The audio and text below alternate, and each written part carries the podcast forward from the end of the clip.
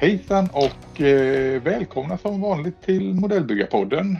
Eh, ja, för det är det ni lyssnar på om ni hör mig just nu. Fredrik Håkansson stod det senast på mitt eh, körkort att jag heter, så det heter jag fortfarande. Och med mig så har jag Erik Westberg bland annat. Hejsan, Hallå Erik. hejsan. Hej hej. Du Erik, vad är det vi ska prata om idag? Idag har jag läst på agendan att det är Sci-Fi. Nej! Mm, Sci-Fi var det ja! Just det. Jag lär mig. Och, ja, ja, visst det är med, med hot om kompanistryk i och för sig. Men, Ja, live on the edge, så är det. ja. men för att eh, du är ju ganska så eh, newbie när det gäller det här med sci-fi. Även om du Ja. har ett par modeller nu. Så Ja, jag har ju bara samlat på mig tre hittills. Ja, så vad var jag tvungen att göra? Jo, jag var tvungen att plocka in en expert på området. Så Patrik Olsson, välkommen in i podden än en gång. Tack och tack! Ja men tjenare, härligt att vara här igen. Ja, det var alldeles för länge sedan senast. Ja, det var, ja nu är det inte, ja, inte galet länge sedan kanske, men eh, förra, ja, vi Ja, det var- det var ett bra tag förra året tror jag kanske någon gång Ja. va?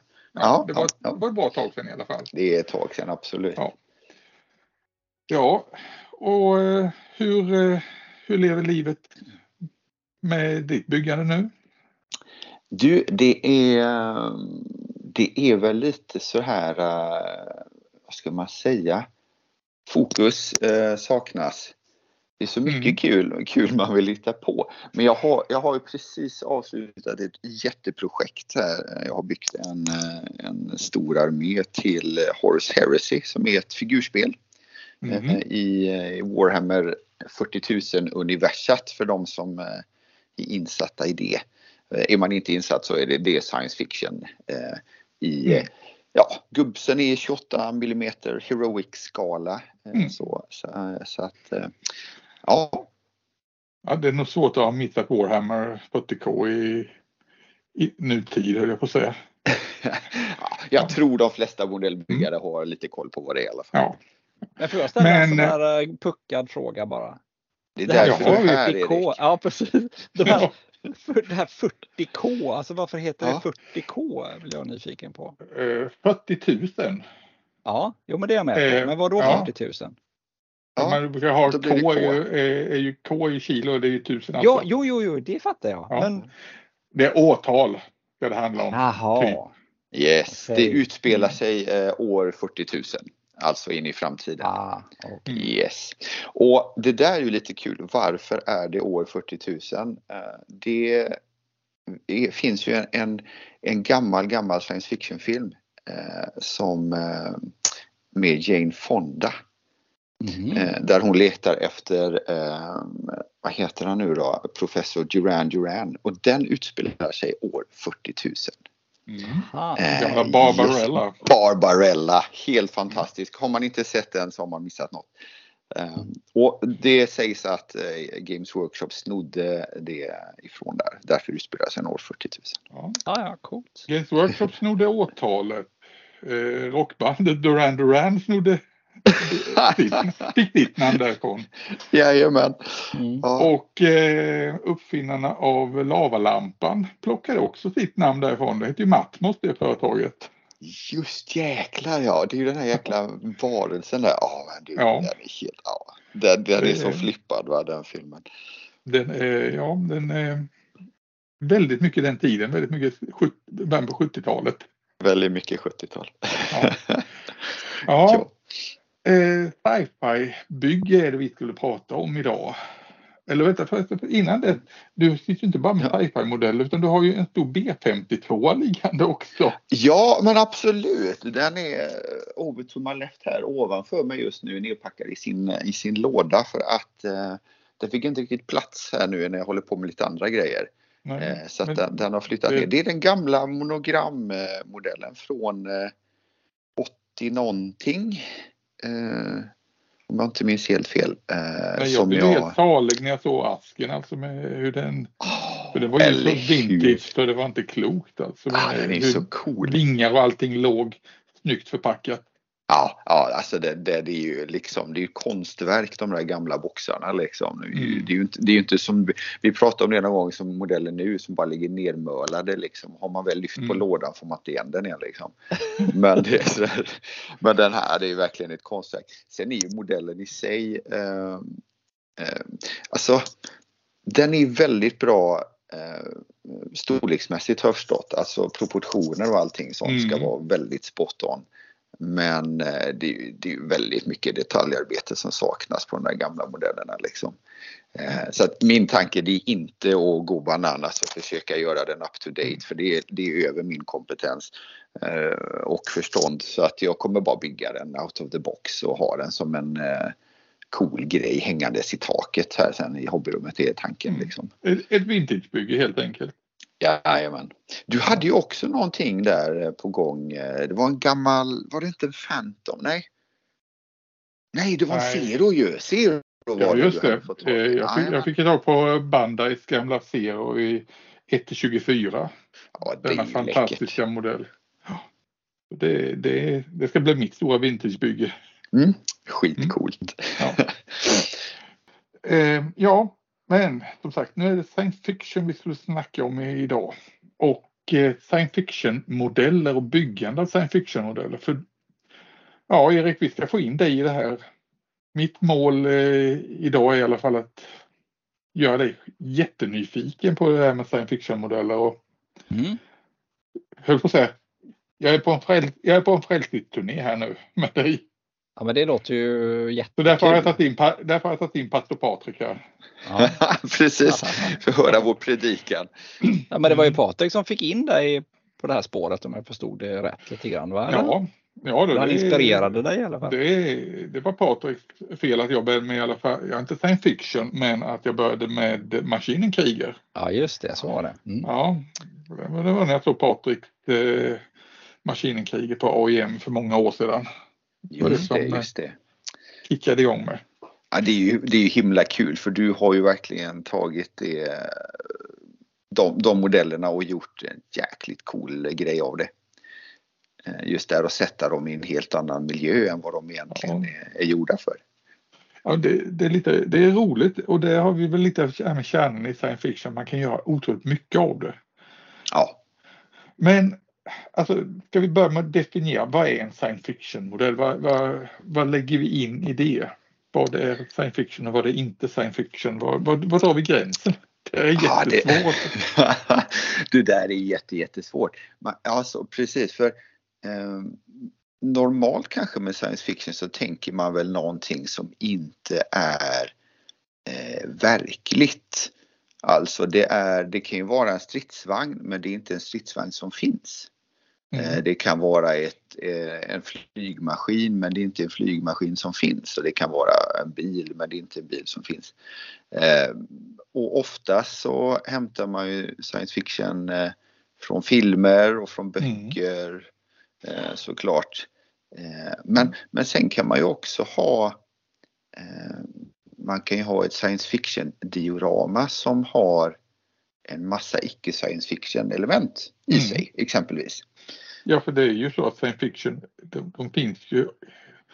Eh, det behöver ju inte vara liksom, eller kontexten eh, kan vara väldigt olika kan vi säga när det gäller just science fiction. Ja, Men det, det blir samtidigt intressant att säga liksom en stridsvagn som inte finns eller en flygplan som inte finns eller någonting. Men där vill jag också liksom dra gränsen för vi har till exempel alla de här tyska konceptmaskinerna som all, var skrivbordsprodukter i slutet av kriget. Ja, precis. För det har ju kommit ut mycket modeller men de vill jag knappast klassa som science fiction modeller. Nej, precis. Det är ju det är de här man mer säger what if-projekten. Mm.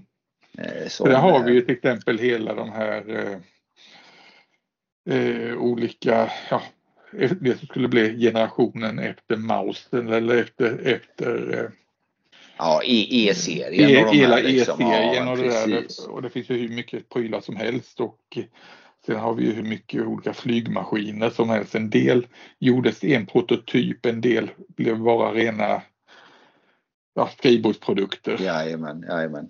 Och en Ja, del precis. finns kanske till och med bara på en servett från ett fikarum. Lite så. Den här hade blivit cool. Ja men precis de här, eh, det finns ju, eh, vad är det man kallar luft 46 finns det ju något sånt här, eller luft för att använda den tyska 46. Just det, alla de här eh, konceptflygplanen. front 46 och luft eh, 46. Ja men precis. Nej och, det, och där, precis som du säger, det kallar man väl kanske inte sci-fi utan för det är ju liksom någonting som man Mm. eh, potentiellt kunde byggt.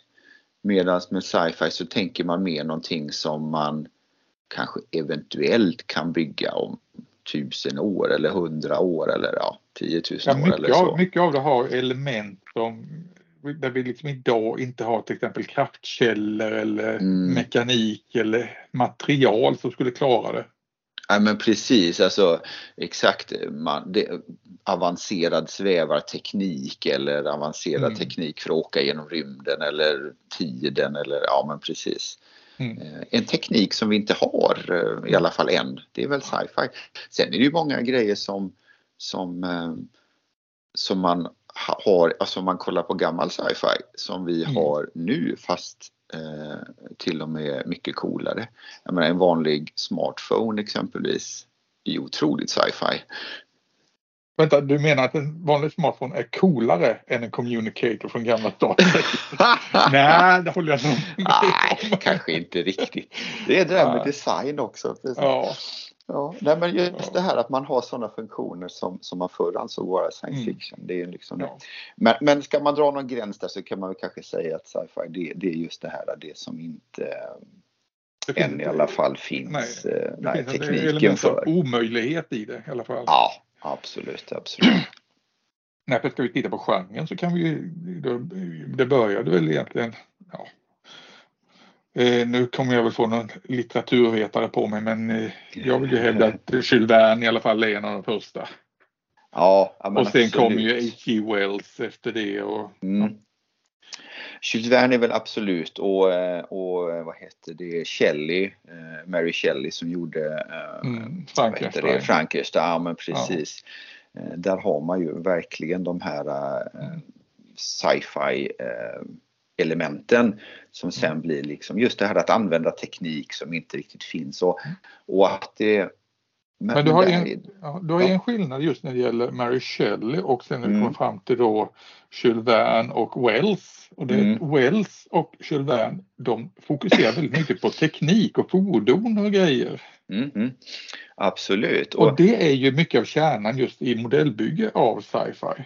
Mm, verkligen. Eh, och det här att det är ofta eh, ganska ofta, inte alltid, men ganska ofta att det är teknik som är eh, ganska positiv ändå.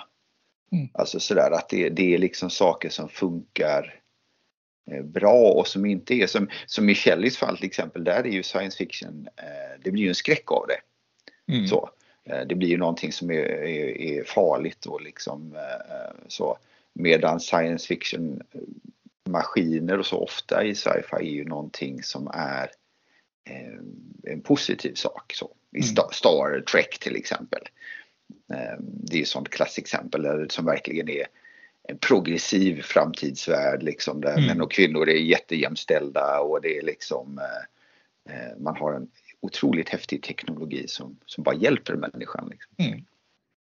Ja, det kan vi ju sig gå tillbaka då till filmer som Metropolis eh, från 1920-talet. där Tekniken går bananas åt andra hållet. Men det är ändå i alla fall, det, det är ju science fiction på hög nivå.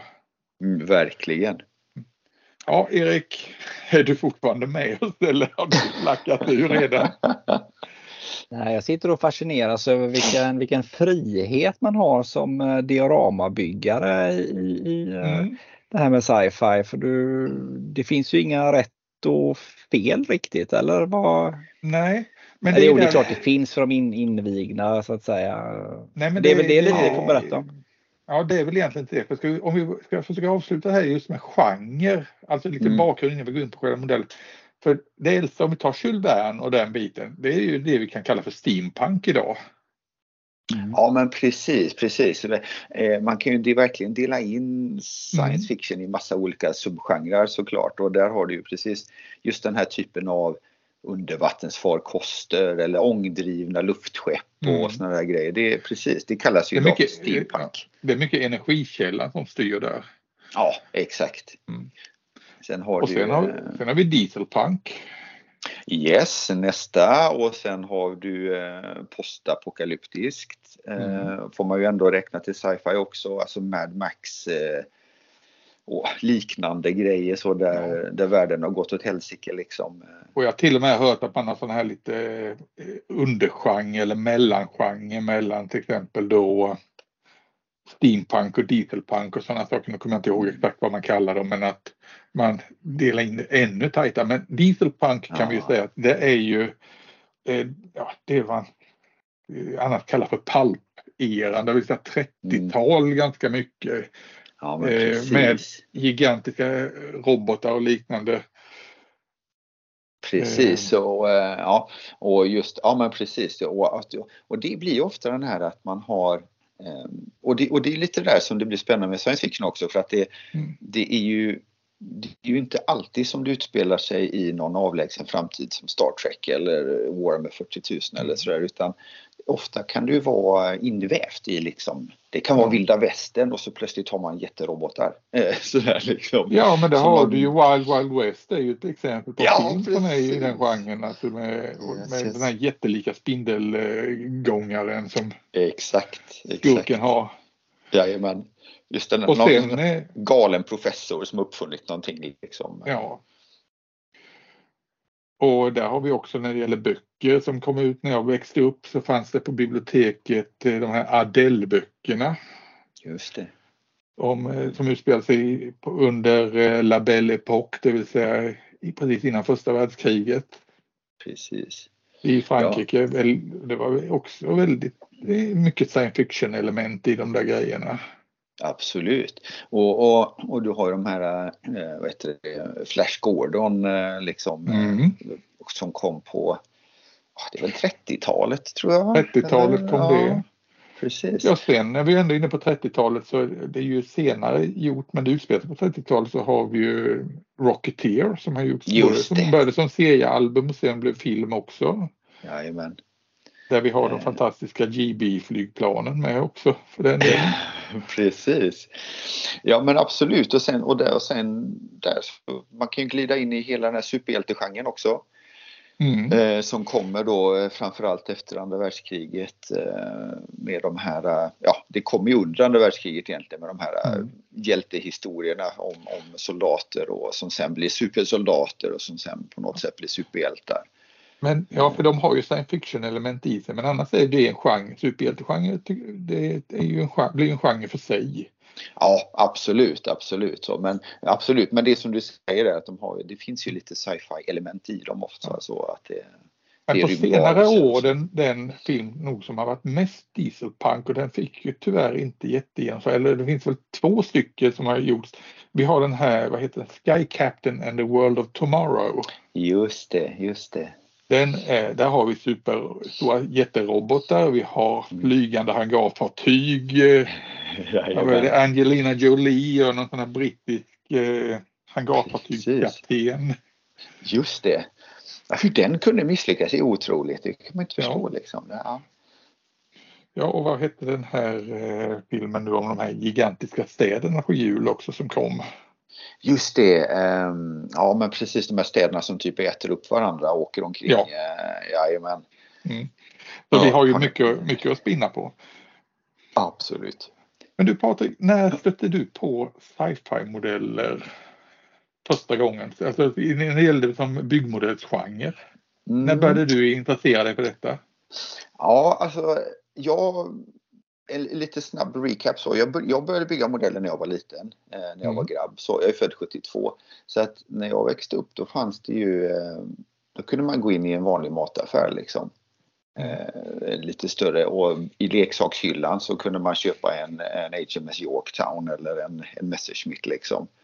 Eh, så att det där med modellbygge det fanns ju alltid. Det var ju någonting mm. man höll på med speciellt på vintern så där, liksom, och byggde modeller. Eh, och sen på våren så, så tog man ut dem och smällde dem sönder och samman med, med Kina-puffar. Men det var ju sådär man gjorde. Så att, nej, men sen så gled jag väl in i, eh, i fantasy framförallt först och främst. Eh, jag läste Sagan om ringen och, allt, mm. och blev helt besatt av det där liksom. Och vi började spela rollspel. Eh, och det där var ju himla kul liksom och då var det ju jättemycket fantasy man höll på med. Mm. Och då är du mitten på 80-talet någon gång? Det här är mitten 80, 84, 85 sådär. Ja. Eh, och sen så märkte vi också då att det hade börjat komma lite så här spel med science fiction-figurer. Eh, och Warhammer 40 000 var ju en sån här grej som var, det var ju verkligen, man blir mind blown liksom. För det var ju alla de här fantasy-grejerna som jag tyckte var coola utslängda i rymden liksom. Mm. Och det var ju så här, det här måste vi spela. Så då halkade vi in i det där liksom och började köra figurspel framförallt då i sci-fi miljö. Så det var väl lite där som det hela, och sen höll jag ju på med det egentligen ända fram till eh, för ja, snart tio år sedan. Eh, när jag fick ett ryck så jag kände att nej, nu måste jag bygga lite seriösa grejer och började bygga lite eh, andra världskrigstanks och lite såna här grejer så. Jag tyckte det var kul. Eh, åkte ner på eh, IPMS eh, tävlingen i Göteborg eh, med en Stug som vann ett brons och jag tyckte det här måste jag ju hålla på med liksom. Men på samma tävling blev jag ju helt fördärvad för då hade en annan byggare gjort en Maschinenkriger. Och då tänkte jag, ah jäklar de där liksom, de hade man ju sett när man var grabb men aldrig haft råd att köpa liksom. Mm. Eh, så då köpte jag ett par på Tradera, började med det och sen var jag ju fast i sci-fi. liksom. jag, har byggt, jag har byggt lite historiska grejer efter det också. Jag håller på med B52 nu, jag har en B29 liggande som, som ska bli klar någon gång också. Men eh, framför allt är det ju sci-fi liksom. Det är någonting där eh, som jag bara dras till hela tiden. Erik, är du, eh, du har inte drabbats av det eller under uppväxten eller hur, hur har det sett ut för dig? Ja, men alltså, jag har ju inte hållit på så länge. Eh, så att för mig var det ju det här klassiska med andra världskriget då. Men det var det ju för mm. dig också Patrik lite grann Men, Absolut. Jag, har ju blivit, jag blev ju ganska fast i det. Sen var det ju diorama fullt ut. Det mm. finns ju så jäkla mycket grejer till andra världskriget där. Så att jag har väl eh, inte så släppt det, även om man försöker prova lite annat. Men sen när jag lärde känna Fredrik då så det är klart att då såg man ju det här och det, var, det, är, väl, det, det är ju det. För jag har aldrig sökt, jag har aldrig sökt på sci-fi modeller så utan de gånger jag sett det så var det ju på AIM och, och C4. Ja. Och från e, dina och, och, och, Fredriks grejer. Så det är ju det, är ju det som har inspirerat mig helt klart. Mm. Uh, kul. Ja. ja. det är kul att höra. Ja, för Fredrik, du var ju också, du var ju också inne på 40K och spelade figurspel. Ja, men för mig, liksom. ju, för mig började sci-fi-intresset långt, långt tidigare. Ja. Där kan jag ju skylla på, eh, vad ska jag säga, 70-talet och det var väl egentligen då Star Trek det hela började med. Star Trek och yeah. Månbas Alpha. Ja, ja, ja. Den det var, var också fantastisk. Yeah. Så det var de mina första intryck där och sen hade jag som sagt eh, ja, moster i Malmö så jag var ner på Semo Hobby jämt och ständigt och där såg jag ju science fiction modeller för de första science fiction modeller som jag stötte på ner på Semo Hobby det var ju ATMs eh, gamla eh, eh, sådana här modeller från, från Star Trek. Just det. De första. Men då hade jag liksom ingen riktig koll på det så det blev aldrig några sådana på den tiden. Det första jag såg annars när det gällde sci det var ju i Airfix-katalogen.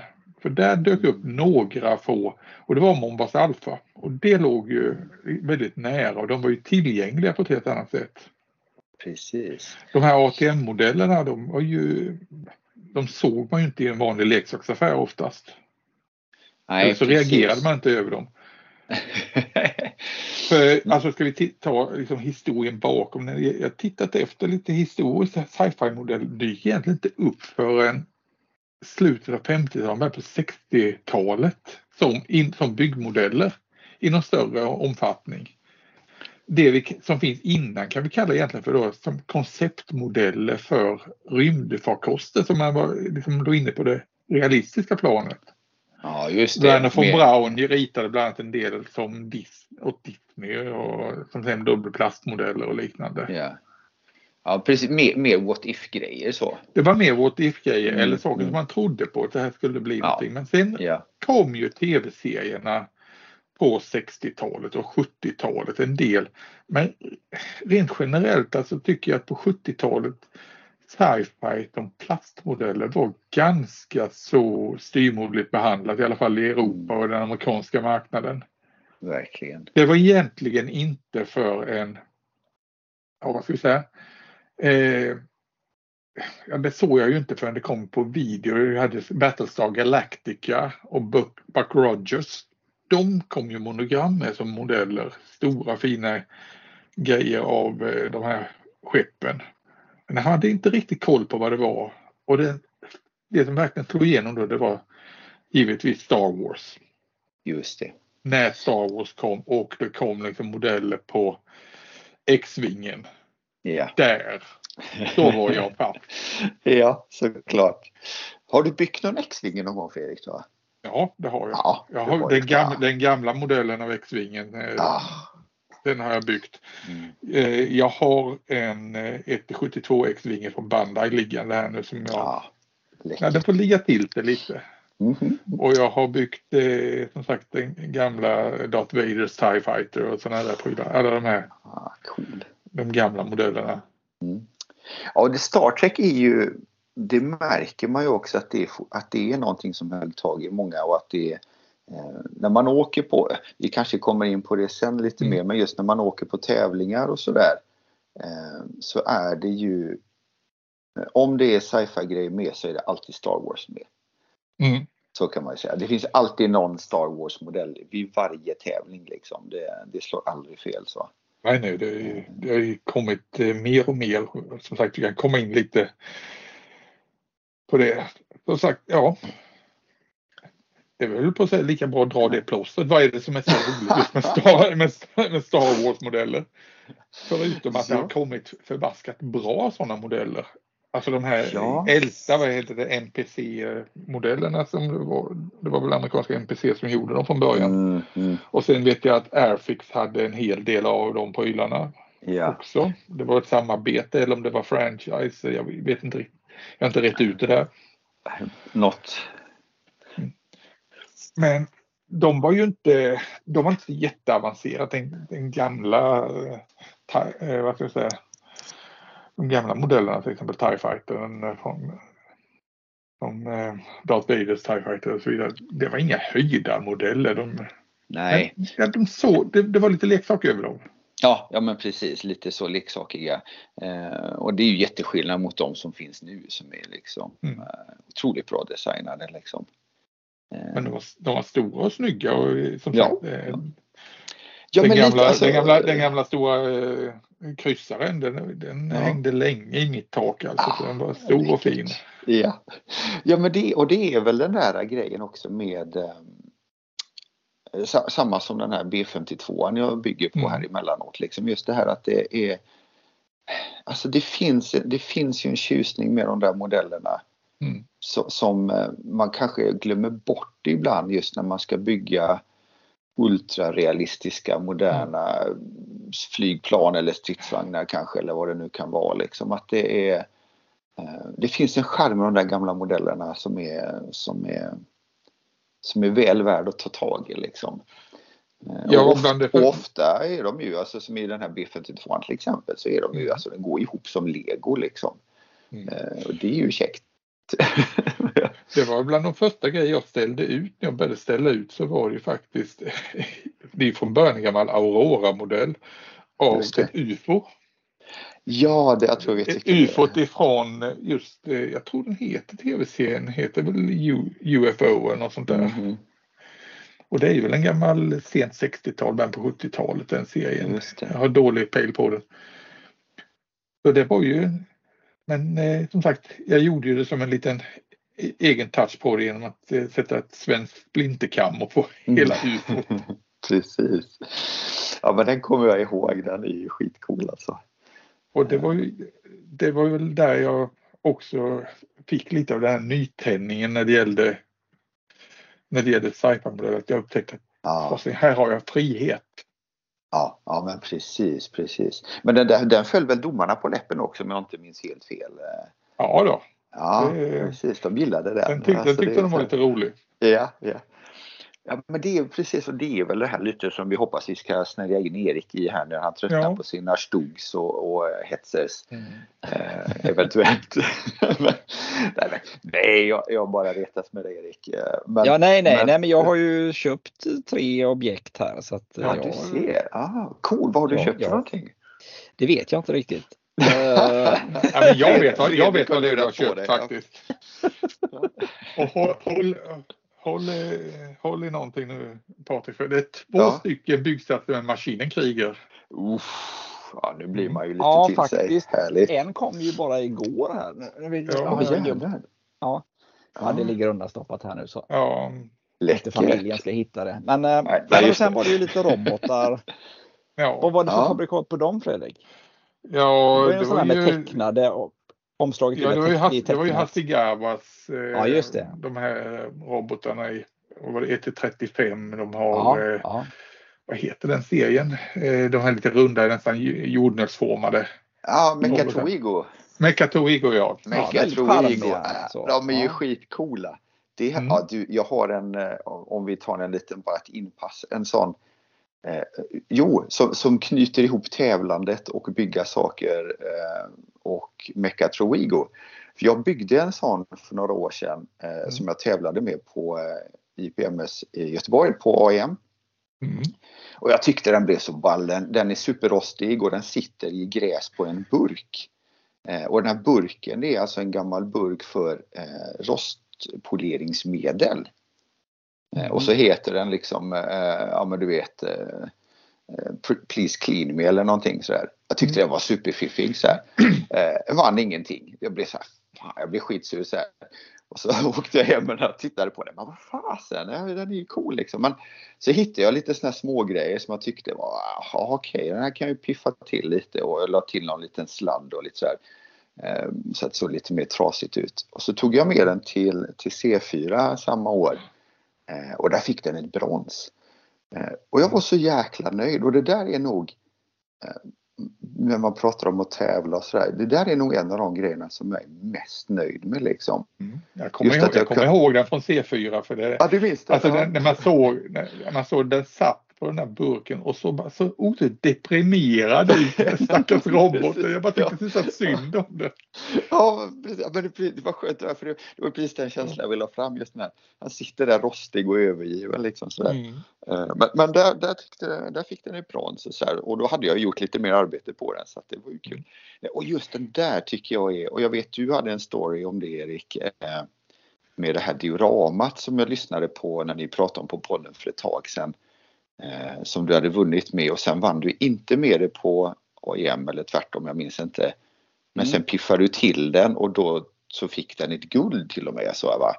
Ja men Eh, precis. Ja men ja. Det, det, det är en sån eh, solskens, från att man var precis som du beskriver, från att man var superbesviken Ja, och så tittade man lite förbättrade. Jag byggde ju om hela storyn egentligen med figurerna, Ja. bytte ut väldigt mycket så att säga. Så det var inte, och, men och så, och så tar man med den på en annan tävling och så blir det total succé då. Så att, eh, ja, ja, det är kul. Ja. det, och det är en grej bara som, det kan man väl nämna faktiskt för folk som gör kanske inte bara en modell men just ett diorama gör det att man kan ju faktiskt spara väldigt mycket och sen göra om det, alltså piffa Ja. till det, ändra lite. Man behöver inte bygga allt scratch på nytt. Det man kan vara att man är nöjd med huset men inte Mm. fordonet och så bygger man ett annat fordon och piffar till det andra lite för att ofta blir det ju nästan varje gång du bygger något så utvecklas du kanske lite grann som byggare. Så Ja. då um, man behöver inte alltid börja från början, det, det, det är väl jag vill ha sagt och det är ju båda våra exempel här. Ja men på. precis, ja men precis. Och det är så roligt det där när det liksom blir, eh, när det blir så, som man hade tänkt sig från början. Mm, mm. Ja, men Men alltså Patrik, vi kan, vi kan ju ta det i en sån här Mecha- eh, Mechatroigo som ett exempel. För, Ja, alltså du, det är ju själva modellen i sig, den är 1 på 20. Ja. den vara här för mig det var. Något sånt kanske, ja. För det är väl den stora varianten, den finns i två varianter. ja, nej, nej, du, ja, eh, den jag byggde var 1 till 35. Var det 1 35? Ja, precis. Ja. Den, den är 35, ja. Mm. Men, alltså det går ju egentligen inte. Och att den är i den skalan, det är för att det finns alltså en uh, förarplats inne i den. Ja men precis, det, mm. den, den är ju som en, men, som en armored suit typ. Eller som en, ja, men om man inte visar den här förarplatsen så kan Nej. modellen vara i vilken skala som helst. Yes, yes, yes. Eh, det är ju det som är det coola med många sci-fi ja. robotar har, och sånt. Där har du första friheten att du kan göra det ja. till vad som helst skalmässigt. Ja. Eh, de här modellerna också, de här, det är Hasegawa-modeller, de det finns egentligen ingen riktigt bra story bakom dem utan det är bara lite coola robotar. Mm. Ja men precis, de, de är ju någon eh, det, det, är väl lite barn som kör dem ofta eller ungdomar som kör de här Mechatroegos typ och har dem som någon eh, typ åker till skolan i dem så ser man på lådorna ibland och såna här grejer. Liksom. Ja, men samtidigt det finns eh, liksom, de är inte kopplade till någonting. Nej, det är nej, bara nej. något så man kan göra vad man vill av det. Jajamän. De är inte knutna man, till något. Nej, men tittar man på dem på lådorna så är de ju välpolerade, nästan lite spottiga. Mm. Ja, det finns ju många olika varianter med olika häftiga märkningar och så vidare. Mm. Men du kunde vädra ner den till någonting helt annat och skapa en helt annan känsla än den här mm. vad ska jag säga, japanska kawaii-känslan med ja, gullig, gullighetsfaktor 10. Ja men eller hur. Alltså jag, jag, eh, jag tänkte ju lite mer eh, Ja, det blir lite mer Stålenhag över det så. Mm. Eh, nu vet inte jag om Stålenhags hade slått igenom riktigt när jag gjorde den eller om det var i den vevan, jag kommer inte ihåg. Men, men det blev ju lite i den stilen i alla fall. Just det här, mm. ja, någon, någon postapokalyp eller något kanske, eller bara övergiven liksom ute på något fält så eh, Och det där är ju just som vi snackade om den här enorma friheten man har när man gör science fiction-byggen eh, av den typen. Eh, just att man kan säga, nej men det här är, så här ska den vara liksom. Nu, det, det tycker jag. Eh, sen, handen, ja. ja. handen på hjärtat Patrik, det, du älskar att vädra eh, modeller ganska hårt va? Ja, det kan man väl säga. Jaha, alltså jag är, jag är ju en sucker för vädring liksom. Jag tycker det är otroligt kul att, eh, att vädra saker. Eh, och det, där, det har väl blivit så att det är en grej som jag är som jag är ganska duktig på om jag får säga så. Eh, jag, jag, det är många saker som jag inte är så duktig på som byggare. Eh, som, som, eh, som man verkligen behöver öva på liksom. Men just det med vädring är ju någonting som jag har bemästrat och är ganska bra på. Och det är klart att då är det ju, då är det kul att, att, att använda det. det. det. man kan. Och det, det är just det här också, så där blir det ju extra kul med sci-fi för där kan du ju verkligen ta ut svängarna så. Eh, med ja. vädringen och, och gå loss liksom. Eh, men det där är ju också, vi kanske ska ha ett avsnitt om, om det någon annan gång just som inte snöar in på vädring för mycket men eh, det där är ju en grej som är, tycker jag, man ser ganska ofta att det, vädring det är någonting som, som många liksom man slänger på det lite efteråt. Förstår du vad jag menar? Man, ja. har byggt, man har byggt en modell och så har man målat den och sen så tänker man att ah, nu ska jag vädra den också. Och så börjar man vädra den liksom och så blir det sådär. Eh, för jag, när jag bygger modellen då har jag redan en tanke på hur den ska vara vädrad. Och redan när jag börjar första färglagret så är det en del av vädringsprocessen. Eh, och det där är ju någonting eh, som jag tycker är otroligt kul att jobba med. Liksom. Just den här målningsdelen. Så att byggdelen, där, där, är, där är, behöver jag verkligen bli bättre. Så det är liksom, men målningen, där, ja det är riktigt skoj. Men du, det kan vi faktiskt också, måste jag nämna just det här med, med tillbaka till Star Wars. Mm, mm, mm. Erik, vet du vad skillnaden, vad, vad Star Wars, vad den stora grejen med Star Wars var när den kom? Förutom att det var då ett eh, rymdepos. Vad var det som skilde den från tidigare sci-fi filmer? Har du koll på det Erik? Nej, du får faktiskt. Men du har, sett, du har ju sett alla Star Wars-filmerna? Ja, jag såg faktiskt ja. en häromdagen bara. Ja, du ser. Nämn inte mm. Jar Jar Binks. Ja. Ja. ja, Nej, säg Fredrik. Jo, den stora grejen var att vad George Lucas introducerade var the used universe. Det yes. använda universumet, det skitiga universumet. Mm. För innan det, om vi tittar på Buck Rogers, om vi tittar på eh, ja, Battlestar Galactica, alla, alla, det var liksom blankt, nytt. Ja, vi kan ta 2001, det är ju, den är ju ett praktexempel. Allting är yeah. väldigt snyggt och polerat. Jag vet inte vem det är som de har, vilken städfirma de har. De, de har små robotar, tror du inte det? Ja. Och så kommer man då till Star Wars och det är skitigt, det är slitet och eh, en X-vinge som ser ut som den har ja, gått igenom The Battle of Britain ungefär. ja men precis, det där är ju liksom den eh, det var, det var en game changer, verkligen. Verkligen, mm. verkligen. Och det där är ju någonting som har levt kvar sen liksom i, eh, i sci-fi. Just det där att man kan, man kan gå ner i det spåret om man vill liksom.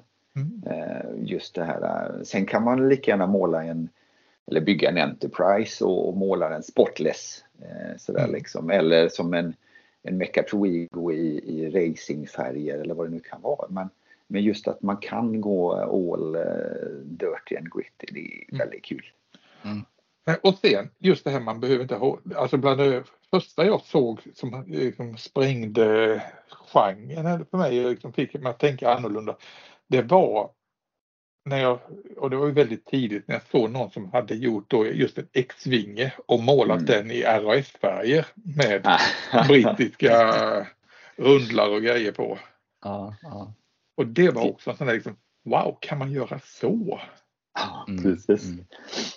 Ja, och det här, då, är, då, är, då är vi liksom i början på 80-talet. Så sen slaktade jag ett antal sådana här eh, Star Wars-modeller för att använda dem just till 40K. Ja, precis. Spel, ja, liksom, det, det gick åt lite sådana saker. För på den tiden så var det ju inte speciellt mycket fordonsregler i de här figurspelen. Utan det fick man bygga själv en hel del. Ja precis, det fanns ju inte så mycket modeller. På den tiden Nej. så var ju allting eh, i princip gjort i tenn till, till spel. Eh, mm. Det var, ten, det var tennfigurer fortfarande så, och det största de kunde göra det var ju inte så jättestora grejer. Så man fick ju scratchbygga allting liksom. Eh, och det var ju himla kul. Jag byggde mm. om många, eh, vad heter det, Macross. Offrade jag. Ja. ja, och i ett av de första supplementen till böckerna till just eh, Warhammer 40K så visade de hur man byggde en liten svävarstridsvagn eller något sånt där av en deodorantförpackning. Ja. Den där och är ökänd. Ja, och där har vi ju nästa grej också med science fiction. Det går liksom att bygga science fiction-grejer av vad som helst. Yes, det är ju det som är så kul. Och du byggde ju för några år sedan Fredrik den här svävaren mm. av just sådana prylar. Ja, det var den där lilla utmaningen som jag och Christian hade oss emellan. Vi skulle bygga Ja, precis, precis. Det blev ju skitcoolt liksom. Eh, och det där, ja, och det, är också där går vi också tillbaka just till Star Wars till exempel att så många plastmodeller som det gick åt för att eh, bygga deras rymdskepp. Exakt. Ja, precis. Jag har, till och med, jag har till och med en lista i, i en eh, bok här på exakt vilka olika delar som har använts. Det är så coolt. Om man känner att man vill bygga en kopia exakt liksom, så kan man ja. jaga rätt på alla gamla byggsatser, vilket kommer att kosta en förmögenhet. Och så kan man sen bygga den precis som de gjorde. Liksom. Ja. Vilket kom... är kanske lite dumt att göra det blir kostsamt men ja, eh, och man får, man får slakta många byggsatser. Men det där är väl också en grej och, som vi kanske kommer in på just det där hur för om man säger att man åker på en IPMS-tävling i mm. Sverige eh, och så är man så ser man alla utställda grejer och så är det 800 flygplan 500 stridsvagnar och 7 eh, science fiction modeller. Och då tänker man så här, det här är det ju ingen som håller på med liksom. Men om man börjar gräva lite så är ju science fiction genren är ju precis hur stor som helst internationellt. Mm. Alltså den är ju gigantisk. Eh, men det syns ju inte riktigt på de svenska tävlingarna i modellbygge. Nej, och som du sa, liksom när du började då på 80-talet och eh, ja, du, sa, du slaktade Macross-modeller. Alltså, Mm. och Macross det är alltså japanska robotar från en Ja. eh, tv-serie Precis. kan vi säga. Har man inte kollat in den så bör man göra det. Den Mm. är hur cool som helst. Men då var, och det var billiga modeller för de här japanska eh, robotmodellerna på 80-talet det var liksom lite andra klassen grejer. Yes, det var så. De kostade ingenting. Eh, Det var, Nej. du, du kunde köpa dem eh, eller en pizza. Ja, typ. Ja, det var lite den. Och det var små modeller i skala 1 på eh, 200 och det var inga stora prylar. Nej, jag har några liggandes här. Jag kikar i hyllan till vänster om mig här nu. Jag har eh, några Valkyries här. 144 i dem, men 1 till 200 var jättevanligt också. Precis. Mm. Små rackare liksom eh, Ja. som man kunde plocka delar av. Eh, Riktigt eh, kul. Nej, och det, då, det, fann, det var ju en sak man inte hade riktigt koll på. Att det fanns egentligen, för som jag sa, det var inte mycket science fiction-modeller som man i slutet på 70-talet, början på 80-talet såg här. Men det Nej. fanns ju hur mycket som helst. Det var bara det att vi var på fel plats. För japanerna har ju alltid hållit på med det. De Där- har ju de- det. Där, där har ju varit hur mycket prylar som helst.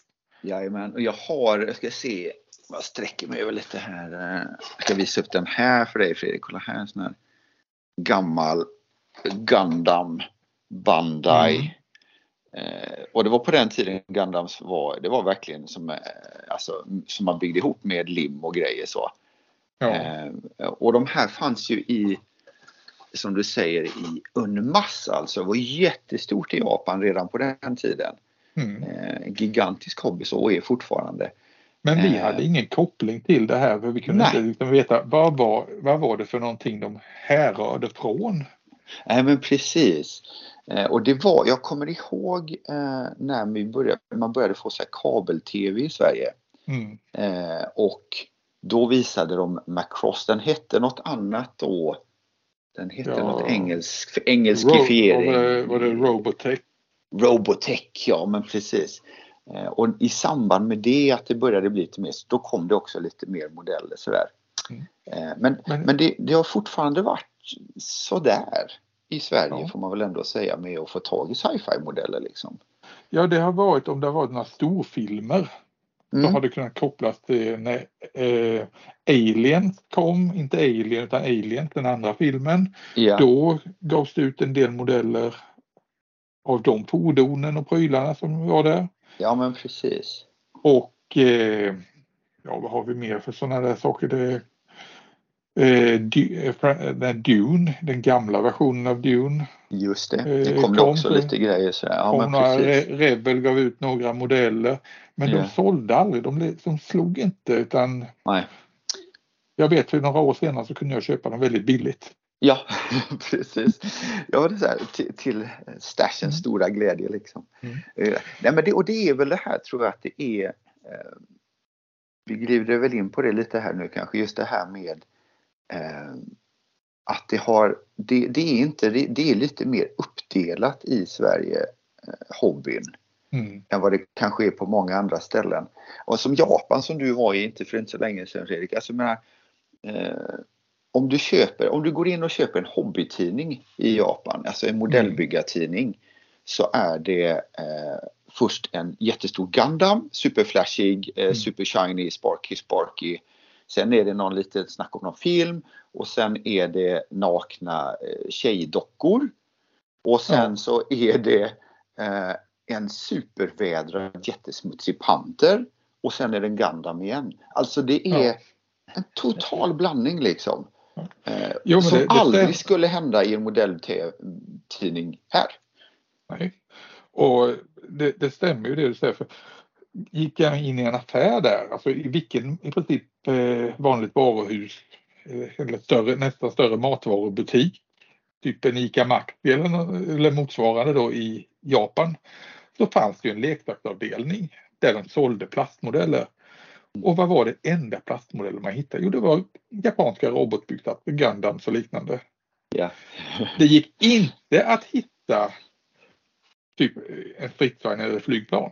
Nej, då får du gå till en specialist hobbyaffär mer då. Liksom. Japp. Ja, precis. Och det var ju och i de här stora hobbyaffärerna som hade flera våningar. Så första våningen, mest lättillgängligt, var det science fiction-modellerna. Ja. Mm. Ja. Inte bara Gundam utan även sådana saker som eh, eh, ja, alla möjliga tv-serier. Ja, de har ju så otroligt många tv-serier där på mm. samma sätt. Nej, men som Macross, Evangelion, eh, alla de här liksom eh, hur många som helst liksom. Mm. Eh, det, det är jätte, jättestort där borta liksom. Mm. Och där, där är man nästan the odd one out om man bygger en Messerschmitt kanske. Utan det är klart att man bygger Gundams liksom. Det är klart man bygger stora robotar. Så.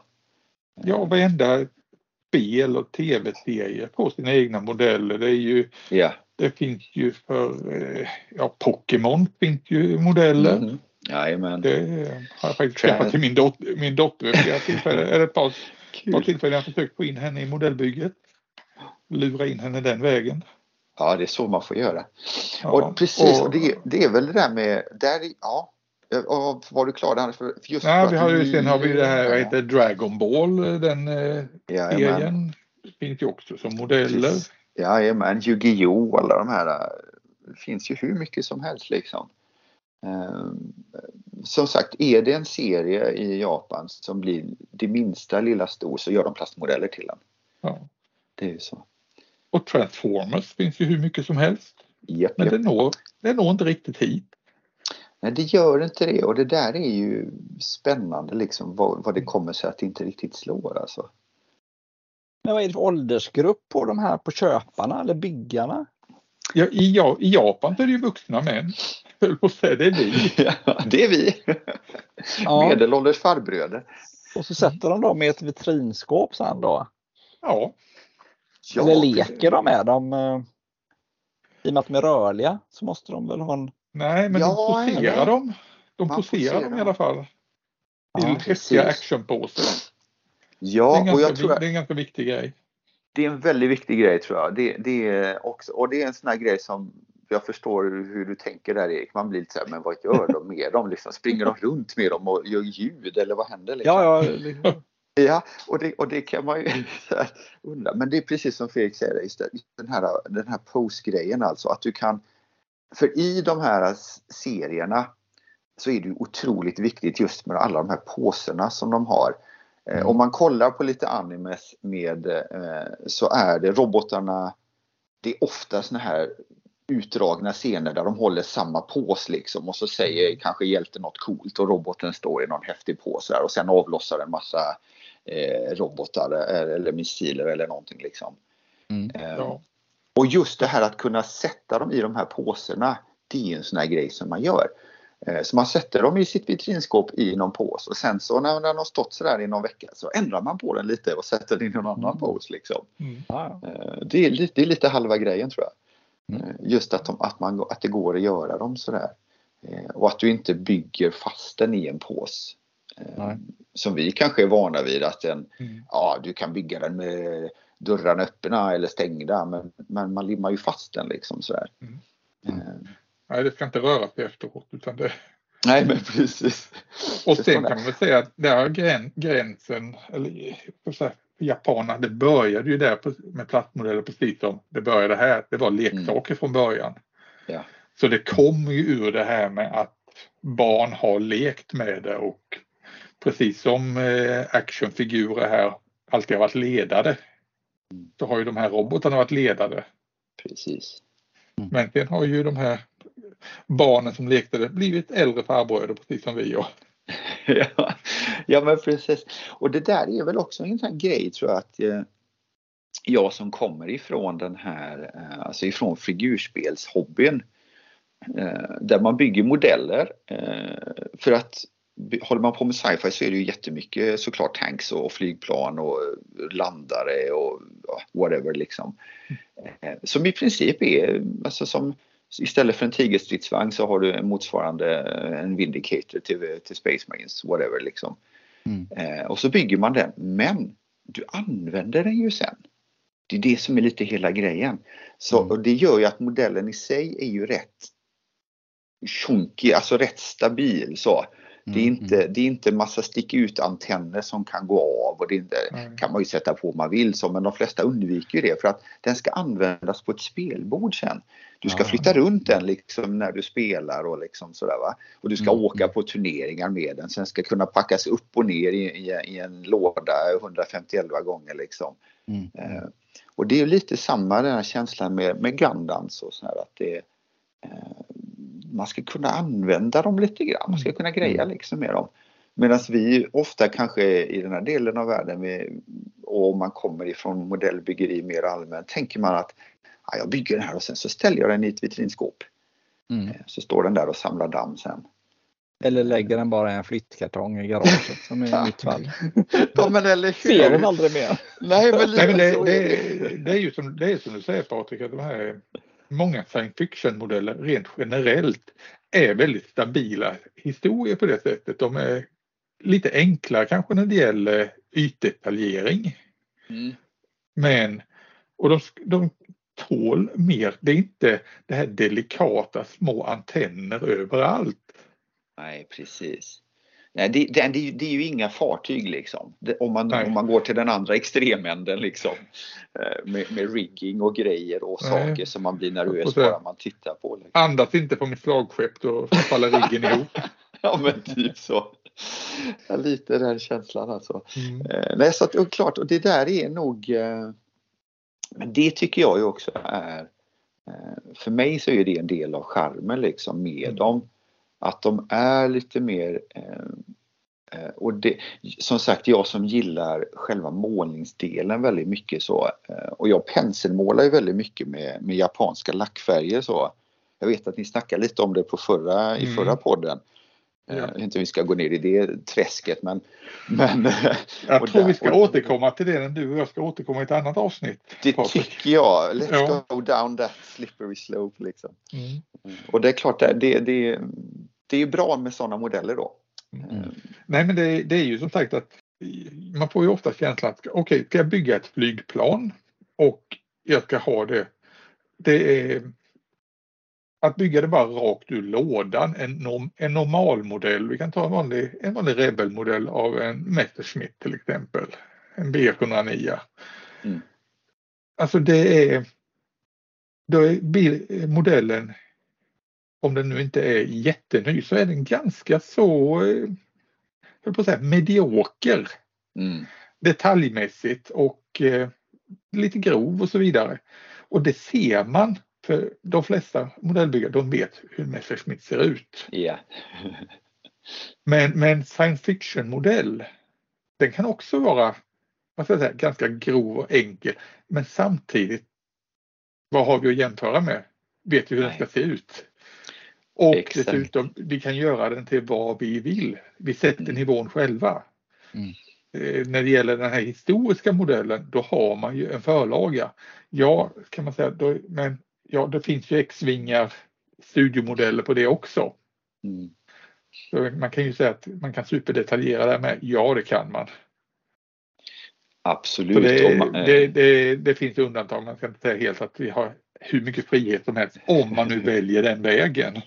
Att, Nej, men nu ska jag exakt Luke Skywalkers eh, X-vinge från eh, Return of the Jedi. Mm, den skiljer sig från eh, Ja, de skiljer sig åt i de olika filmerna givetvis. Men, ja. Så man kan nörda där också. Oh ja, och där alltså eh, snöar man in på lite sådana här science fiction forum Eh, jag hänger på en del där det, är mycket Star Trek-fans och sådär. Och mm. Star Wars eh, också. Och det, alltså, det är ju Rivet Counting eh, fast i rymden liksom. Det är samma som man kan hitta sådana människor som får panik för att någon har byggt en stridsvagn med, med fel larvband så, så, så kan det bli panik där också när någon har målat en Enterprise fel. Liksom. Mm. Eh, så det finns men, men, men rent generellt absolut som du är inne på så är det mycket friare liksom. Eh, och det är ingen som bygger man en Gundam och målar om den så tycker folk oftast att det är ball liksom. Ja, vad kul, gjorde den sådär och liksom undrar liksom vad hade du för färger och vad gjorde du och sådär. Ja, men, Så och det, det- finns ju, det finns ju ett exempel på det. Eh, som eh, det liksom blev, eh, det blev legio. Ja, och det, Det blev kanon. Ja, Ja. det är liksom en Staku 2, vilken är ju då en av den onda sidans i Gundams, deras, eh, vad ska jag säga, standardrobotar. ja, Den var ju röd. precis. Den var röd ända till någon målade den grön. det är en så jäkla cool story. Ja, Eh, Det är ju alltså, det är precis, Max Watanabe är ju en sån eh, Ja. superkändis i den japanska modellbyggarvärlden. Eh, och han målade en Saku 2 eh, grön. mm. Och efter det så blev de ju tvungna att göra de gröna. Ja. För, för, för Sensei Max, eh, han hade gjort det liksom och då, då får vi ju bara ändra. Så att nu, är, ja. nu är de nu, finns nästan det, nu, finns det, grö- gröna. nu finns det gröna sådana också. Jajamän, Inte bara röda. det är ju så jäkla coolt liksom. Och den Och det är där, väl- eh, ja, Ja, Nej, men det är ju det som är, så, det är det som är så härligt just med science fiction att om jag tar och målar den här X-vingen i brittiska RAF-färger från Mm. 1940. precis. Jag får göra det Jajamän. och jag kan ställa ut den i sci-fi-klassen på en tävling utan att någon säger någonting. Eller hur, det är det som är så läckert så. Eh, ja, och ofta, ofta så, så, så får man lite cred för det för att folk tycker att ah, fasen vad kul, du har målat den där i svenska färger liksom. Eh, eller jag vet jag gjorde en liten eh, ET76 är väl de här gamla, eh, en liten maskinen krigersvävare. Eh, Mm. Nutcracker, ja. Så man målade rosa. Eh, så, eh, rosa Ja, med lite vitt på. Ja, men så där. Och det, och det räckte ju att jag ställde ut den så, så blev ju domarna alldeles knäsvaga liksom. Bara, ah, den är ju rosa Mm. liksom. Och vädra dessutom. Nej, det här den. Alltså så halva inne liksom. Eh, Så det är klart alltså man, man kan ju göra så mycket kul med det där som man inte kan göra med historiska modeller. Sen är det jättekul att bygga historiska grejer också. Jag säger inte det.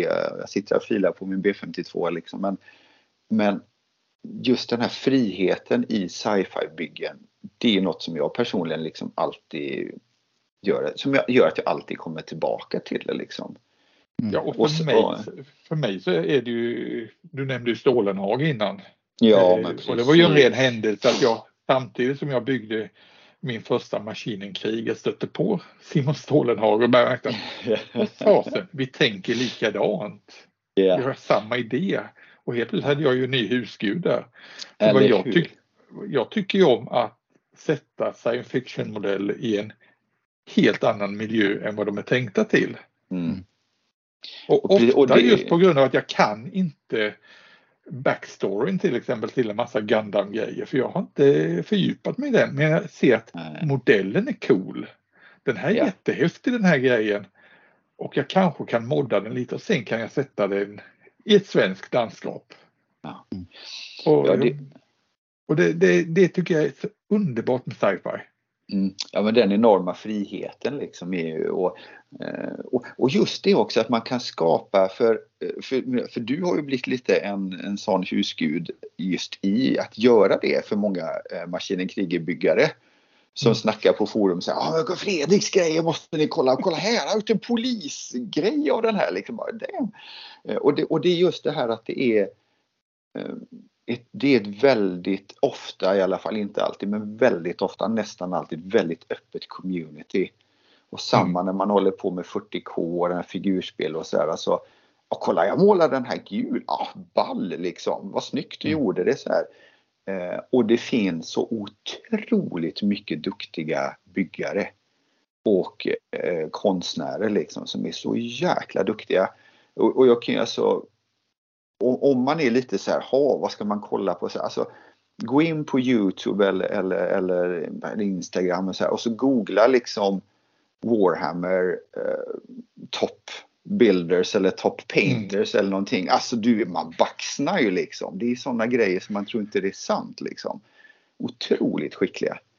Ja, vad var det, det senaste jag såg eh, just när det gäller Warhammer 40K? Jo, det var de här Made Marines. Ja, precis. Alltså så, rosa, kan se ut som här japanska eh, små husor, alltså French maids. Precis. Rosa, Ja, Space de här, de, ja, Väldigt Hello, väldigt Hello Kitty-inspirerade. yes, väldigt kavaj. Ja, Ja. väldigt kavaj. Ja, och det är just där anything goes liksom. Så Mm. jag tror, alltså så länge så länge man gör det med glimten i ögat och så länge man gör sitt bästa liksom och så att man inte bara slarvar och tramsar utan folk säger att "Nej, men här är någon som har lagt själ och hjärta i det här. Så flyger det liksom. Då tycker folk Oh, det ja. är helt okej. Och det, nej men det, jag håller helt med dig. Men du, hur tycker du att det hanteras eh, på tävlingar då? För du sa ju att det är massor med flygplan, massor med stridsvagnar Mm. på fyra science fiction-modeller. Eller, Erik, vi kanske ska fråga Ja. dig först. Hur tänker, hur tänker du när du ser sci-fi-modeller på en tävling? Ja, du som Men- inte bygger sci-fi än. Nej. Men Ja. alltså, är det inte så att på vissa tävlingar så har de en egen klass?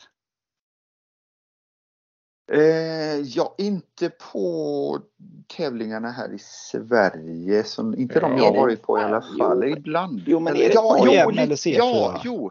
Eh, förlåt, det beror på lite vad T4, det är för- T4 har en, en sci-fi-klass. Ja, Ja. precis. Det beror ju Eh, lite på vad det är för grejer också. Eh, precis. Nej men, nej men svaret på frågan vad jag tycker eh, eller hur jag tänker när jag ser det som inte är sådär jätteinsatt då. Nej men alltså det, det är ju precis som ni beskriver här, det jag tittar på. Eh, men, men om vi säger så här, vi vänder på steken. Vilken klass hade man ha- hamnat i? Vad kan du ställa ut en sci-fi? Du Ja, kan ställa, det, precis. det är ju väldigt, du kan ju inte ställa ut det vad som helst eftersom du kan inte ställa ut det bland flygplan. För där är det ju, ska det bara vara just flygplan i en viss stor skala och eller hur, Ja, hur det funkar ja. flygplansklassen. Ja. Går- Jag tror inte det går där va? Det är också lite olika på tävlingar. i Det är en gråzon. Ja. Nej men sen med stridsvagnar så är det ju till exempel då eh, det är också indelat ganska strikt va? Mm. Ja, ofta Det är det. är det efter årtal. Ja. precis. Mm. Ja men precis och du har soft skin, du har hard skin, du har, eh, ja, och du, du har Ja. flyg, jet- jetflyg 1-72, propellerflyg 1-72 och så vidare. Men grejen är ju sådär, då är det klart, har du då en sci-fi propellerflygplan Mm, mm. i 1-72, ska du ställa ut den då i flygplan 1-72 eller får domarna panik? Mm. Förmodligen kanske den blir flyttad till, till en sci-fi klass i så fall. Eh, men finns, ja. Ja, men man kan ju, man kan ju definitivt ställa ut dem eh, som jag har gjort eh, i, några gånger i vignett och diorama. Ja, ja, ja, det där är klart. Ja, men men där är ju var det inte klockan, på, eh, nu kommer jag inte ihåg nu på, det var väl på AIM i, alltså nu senast AIM, så Ja, hade du ställt ut eh, då en, ett bygge, det måste vara ett av dina senaste, och så stod den i, var det figurklassen? Jajamän, vad fan, ja, och Ja, då tänkte jag när jag gick där, ja, men vad fan det här är ju ingen levande grej. Där tänkte jag så här, Precis. bara spontant att vänta nu, har den här hamnat rätt? Ja, men, men så insåg jag ju när jag kollade där, ja det finns ju ingen, ja det, det gick ju bra. Det var ju det skitsamma så sett va. Men, men det, var Ja, bara, ja, ja. det var ett bra exempel på när man då kan reagera på att Mm. aha, är det här, var det här den optimala klassen då så att säga. Så de kan ju hamna lite malplacé kanske ur denna Ja, kan bli, verkligen bli främmande fåglar. Eh, Ja. Jag har ju, jag gjorde ju en sån här stor science fiction stridsvagn. Eh, Just det. en sån här riktig landship och den är ju skala 1 på 72. Varpå jag på en tävling ställde ut den i just Hansa 1 till 72 Mm, mm. Precis. och vann. Ja, ja, det, Men frågan är, liksom, eh, ska man titta på det här, det, eh, här strikt? Ja, är det riktigt rättvist att en sån där mojäng tävlar mot eh, eh, små välbyggda Panzer 4 och liknande? Nej, precis. Nej, men man kan ju vända på det-. Jag, kan ju se liksom att ja, det är en jättepjäs och eh, Mm. det är en sån här sak som kan imponera, att bara storleken på den. Ja, ja men Och att det är precis. väldigt udda. Men nej, ja, ja, ibland jag, jag ställer mig frågan själv, liksom, kan jag verkligen göra det här? Eller hur?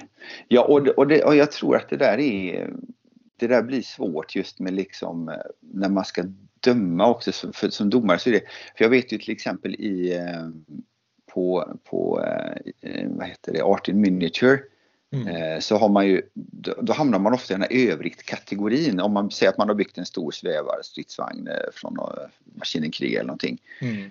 Och där det blir ju, det är ju jättesvårt för domarna för då kanske du har en, en sån. Och sen har du någon som har byggt liksom en, en telefonstolpe. Och så har du någon som har byggt en, en, en godsfinka liksom på en liten bit räls. Mm. Och då ska man som domare liksom säga, jaha, hur ska vi liksom, hur ska vi jämföra och bedöma det här? Alltså det blir ju jättetjorvigt liksom. Mm. Så att det, det, det, ja, jag håller med dig Erik, det är, det är jättelurigt det där liksom med vissa Ja. grejer. Var, var ska Nej, man det- sätta dem? Nej men precis, men det, det var ju bra, bra exempel som vi kommer där just när de hamnar i den här övrigt-klassen. Eh, Och då är det ju, då blir det ju det som domarna måste, de ska ju bedöma svårighetsgrad och hur väl Ja. utfört i arbetet. Så så sätt så på pappret är det ju egentligen inte svårt att, nej, nej. att avgöra. Är telefonstapeln bra gjord? Är den verklig? Hur är Mm, helhetsintrycket och så? Hur är den här Gundam-figuren till exempel eh, gjord Ja. eller vad det nu är då. Men då gäller det ju att ska du få en rättvis bedömning så ska ju domarna då kunna någonting om de här objekten som de ska döma. Annars är det svårt Mm. för dem att avgöra hur Ja. kvaliteten är så att säga. Ja, och där blir ju en precis. svårighet då. När, när, Ja, eh, Mm, verkligen. För att, mm, ja men eller hur, för att eh, som domare så har du oftast en eh, du kanske inte är expert på pansar men du har ju lite koll i alla fall. mm, mm. Eller hur liksom? Nej, men jag skulle säga just det angående det här med, med vilka klasser de hamnar i. Och då pratar vi just om det här med övrigt. Men, men då tar vi just det här exemplet om man ställer ut en sån här i figurklassen. För då kanske man har satt som domare någon som är själv duktig på att måla figur, hudfärg och sådana här grejer och är jättetaggad på att bedöma ansikten och sånt. Och så plötsligt så står det en robot framför men ingen hudfärg, inget ansikte. Det kan ju då vara lite så, what the fuck? Ja, Men- och där just eh, själva USPen med den roboten är vädring. ja men precis, då, blir det, Precis. då är det svårt för en duktig figurmålare att kanske avgöra, är den här gjord på ett bra sätt då? Men nu, Ja. ja, det så, så är ju spelets regler liksom. Så att, Mm. Ja. Ja. ja men det, det är ju klurigt där och jag vet jag, jag var på en tävling för eh, några år sedan. Eh, nu kommer jag inte ihåg vilken av dem det var men då var det just det här med eh, jag hade byggt en, en Maskinen Kriger som hamnade i figurklassen. Eh, jag hade ställt ut den i, i övrigt klassen tror jag, eller sci-fi, jag minns inte. Men Mm. i alla fall i någon annan. Och sen så flyttade domarna den till figur i alla fall. För de tyckte det var en figur för att det var ju liksom en, en Den hade, Precis. den hade, två, den hade, vanligt två, sett. två, den hade två ben och två armar. Ja, ja men precis. Och, och ett litet huvud till och med så, här, så, att, den, så Mm. att den hamnade där. Eh, och så vann den ju hela skiten där alltså då, i den, Mm. just den klassen. Eh, och, och då vet jag, jag snackade med några av de killarna där som hade målat jättekola, superfina figurer liksom sådär. Och de bara, mm, tack för den då liksom. Skitstövel, nudge nudge. Mm. Eh, Det, här, det var inte så lätt att tävla mot så här liksom. Nej. För att det var så himla olika grejer. Ja. Eh, Och då hade jag ju tur kanske just att de domarna diggade den eh, jättevädrade eh, liksom suiten så mer än som du kanske säger då supervälmålade med oljefärger figurer liksom. Mm. Men det Jo, precis, för det blir- precis tvärtom. Nej, men precis, för det blir ju mer ett fo fordon egentligen om man ska vara helt ärlig. Och, och, och det är klart att då, det blir så jäkligt konstigt för en domare kanske. Ja. Eh, men Ja, eh, det är jättesvårt. Det är jättesvårt. Ja. Men om vi, vänder på, om vi vänder på det, är det, är det mer rättvist då att bunta ihop alla sci-fi modeller i en och samma klass där vi får en Maskinenkrig jämte ett, eh, ett Star, Star Trek Enterprise i jätteformat eller en Star Destroyer. Precis. Nej. Jag skulle vilja säga spontant ja, för då tänker jag av den anledningen att då tänker jag så här att den som kommer bedöma det här ska ju då ha koll på läget och då tror jag det är chans för en rättvisare bedömning så att säga. Är ni med hur jag Ja, tänker? Ja, alltså, Ja. jag tänker så här i, i, eh, i nuläget när det gäller tävlingar i nuläget och här i Sverige så är det nog så att eh, väldigt mycket får hamna i en science fiction-klass, kanske Ja. två. Eh, därför att det är inte så himla mycket mer bidrag. Mm. Eh, utan ska man dela upp det i mer så blir det liksom ingen tävling för då blir det någon här och någon där liksom. Mm. Men man hade ju önskat såklart att man verkligen hade fler sci-fi klasser så liksom. Och Fredrik och jag är ju på en liten mission här nu. Verkligen ställa ut mycket science fiction modeller så Mm. liksom eh, på tävlingarna. Eh, Och, och man, man kan ju hoppas på sikt att man kan få till det så att man faktiskt har en rymdskeppsklass, en eh, mecha-klass, så, en Mm. Gundam-klass till och med kanske så. Och sen figurer. För sci-fi figurer finns ju redan klass för. eh, Så att det är Ja, nice. sci-fi fantasy brukar ju slås ihop i en klass. Ja, de hamnar igen i en och samma där. Vilket kanske inte heller är riktigt rättvist liksom. Eh, Nej. För att det, och det, det är ju det där när man ser på, på flygklass till exempel så är det ju verkligen så där, den är ju otroligt indelad liksom. Det är hur många kategorier som helst. Eh, Men det är klart också, det är ju också jättemånga bidrag. Eh, Mm. Men man eh, ja, kan ju hoppas att det blir att sci-fi kommer dit hän. Ja.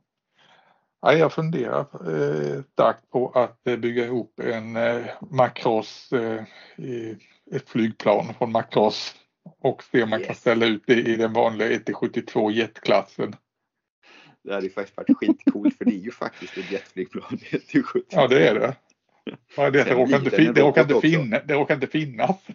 Nej, precis. Nej, jag, vet, alltså jag vet inte riktigt var man drar gränsen där. Måste det finnas på riktigt för att vara ett flygplan?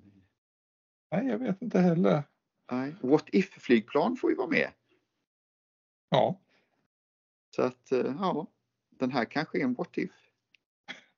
mm. än så länge. Den finns, man har bara inte byggt den än. Nej, precis. Den finns framöver. Ja. Ja, herregud, vi skulle kunna prata hur länge som helst om det här med sci-fi modeller och hur man bygger och så vidare. Men just det här med hur man bygger, där kan vi väl så att det, inte att det här blir en och en halv timme till. Eh, Det finns ju en fantastisk bok som är utgiven här nu som kom för ett par år sedan. Lincoln Wrights eh, FAQ-bok om science fiction utgiven av AK. Där har vi, alltså ska, vill man verkligen fördjupa sig i det här med att bygga och få massa byggtips när det gäller att bygga sci-fi, då är den boken att rekommendera. Ja. Och Lincoln Wright, för de som inte vet vem han är, han är ju utanför Japan så är han väl den vad ska jag säga, mest kände maskinenkrigerbyggaren som, som vi har. Ja, garanterat alltså med, med lätthet så. Han är ju en, en nestor i, i hobbyn verkligen. Ja, han har väl till och med av Kao Yokoyama blivit utsedd just till att vara den engelskspråkiga världens eh, säga, för, företrädare för Ja, maskinenkriget. am- ambassadör. Precis. Ambassadör, ja. Ja. Mm. Ja, det är, han, är, ja, han är ju eh, och han är ju dessutom en otroligt skön lirare som eh, svarar på frågor och Ja. är liksom tillgänglig. Och, eh, det, är han, det är ju han som lärde mig att måla med, med lackfärger. Penselmåla Mm. med lackfärger. Vilket i och för sig är en sjuk teknik bara det. Ja. Och den, den, den, den, ska vi ta, den får vi gå in på en annan gång. Och sen finns det ytterligare ett skäl till att skaffa den här boken från Akon, den här stora tjocka bibeln på eh, ett par tre kilo. Och det är att jag har med en modell i den. Yes, du har ju det. Det är ju så jäkla coolt liksom. Fick jag det Ja, sagt också? Lincoln är ju en stor fan av dina byggen alltså. Det är ju så. ja, det känns väldigt stort bara det. Ja, det är så läckert. Ja, Men det, ja, och det knyter ju an i det här också lite tänker jag, just den här eh, friheten. Jag vet, vi snackade om det någon gång också för länge sedan, just det här med man, man, man vill säga oj, vad, vad ska de tycka om det här? Och så, och så kommer de här snubbarna som verkligen var med och skapade hela den här maskinen krigergenren liksom och bara säger här är ju skitcoolt. We loves it liksom. och dessutom eh, säger de liksom, gör vad ni vill av det. ja men det är ju lite sådär Ja. anything goes så. eh, Ja.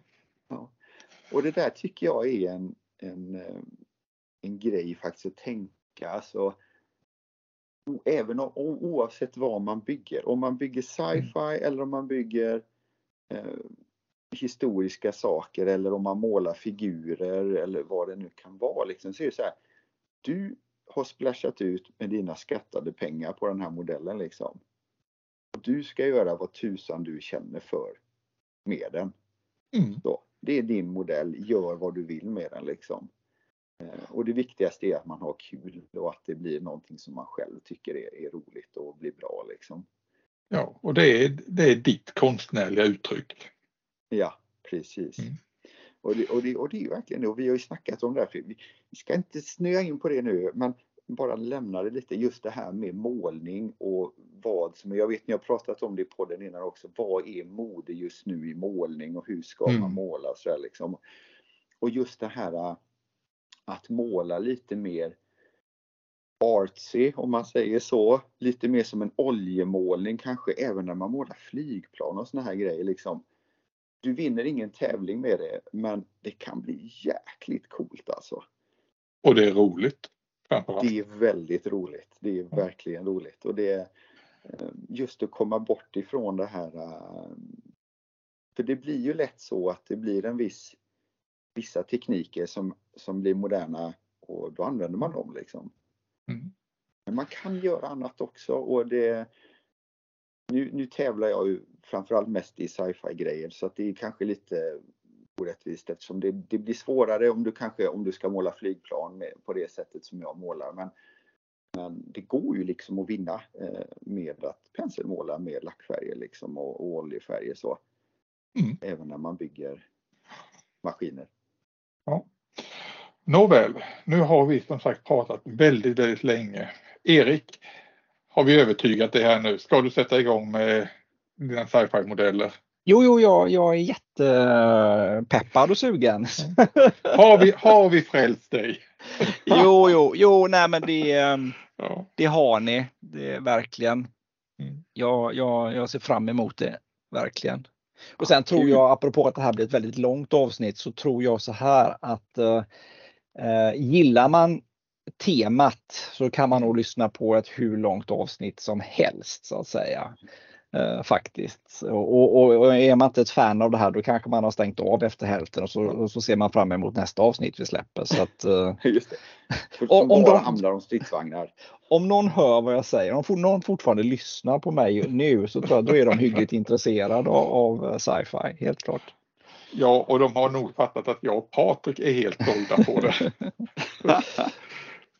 Jag- tycker vi har låtit i alla fall hyfsat pas- passionerade över det här. Ja, Minst absolut. sagt. Ja, Nej, men det är ni, och ni Ja. är, um, ni blir ju lite av föregångare för, för andra svenskar här liksom som ser era byggen på tävlingarna, utställningarna liksom. Det, det, det är kul att ni finns och gör det ni gör för det, det peppar andra, så enkelt är det. Det vet man ju själv, det är ju därför man går på tävlingarna, att man, man får mycket inspiration och, och, och så. Så Ja, att men- det, det gör ni bra det är verkligen. ju sådär och, så, och som sagt hela, hela, hela anledningen till att jag åker på tävlingar och, och bygger framförallt mest sci-fi grejer så det var ju för eh, eh, att en, en, en skön snubbe i Göteborg han hade byggt en Maskinen Kriger på en Mm. tävling jag såg och så kände jag ja, jag måste göra en sån där jag med. Ja, Mm. och sen så jag, sen så jag nästa sköna snubbe. Ja, precis. som hade byggt en maskin Ja, det är så var jag fast. Ja, Och det är ju Ja. så den här hobbyn ska vara, men vi ska inspirera varandra. Ja, Mm. och vi gör det för att det är kul. Ja. Inte Ja. av något annat skäl. Det är ingen som står liksom med en eh, pistol mot tidningen på oss och säger nu ska du ta en tusan bygga en Eller platt modell. Det är bara för nöje. Ja, Erik, du fick inte många sylar i vädret den här gången, men Nej, det var nog rätt skönt för lyssnarna. ja, ja. Du tar igen det nästa gång Erik. Oh ja. ja. Mina herrar, stort tack för den här gången. Och Tack eh, som sagt, ni få som har orkat lyssna, eh, lyssna med oss hela vägen hit. Stort tack till er också. Verkligen. Eh, Vi ses igen och eh, nästa gör det. gång eh, ska vi prata färg. ja, vi ska, och vi ska prata Gundam-bygge framför allt. Eller det kan vi väl säga att, och jag har ju hintat det innan, du och jag har en liten utmaning oss emellan här nu under vintern att vi bygger varsin Saku 2 fast i var sin setting. Vi gör ju det precis i varsitt Ja. olika så att eh, det ska bli himla kul att, att jämföra och eh, Resonera kring byggena. Ja. Men vi säger så. Ha det bra bägge två. Vi Det är hörs. samma. Stort tack!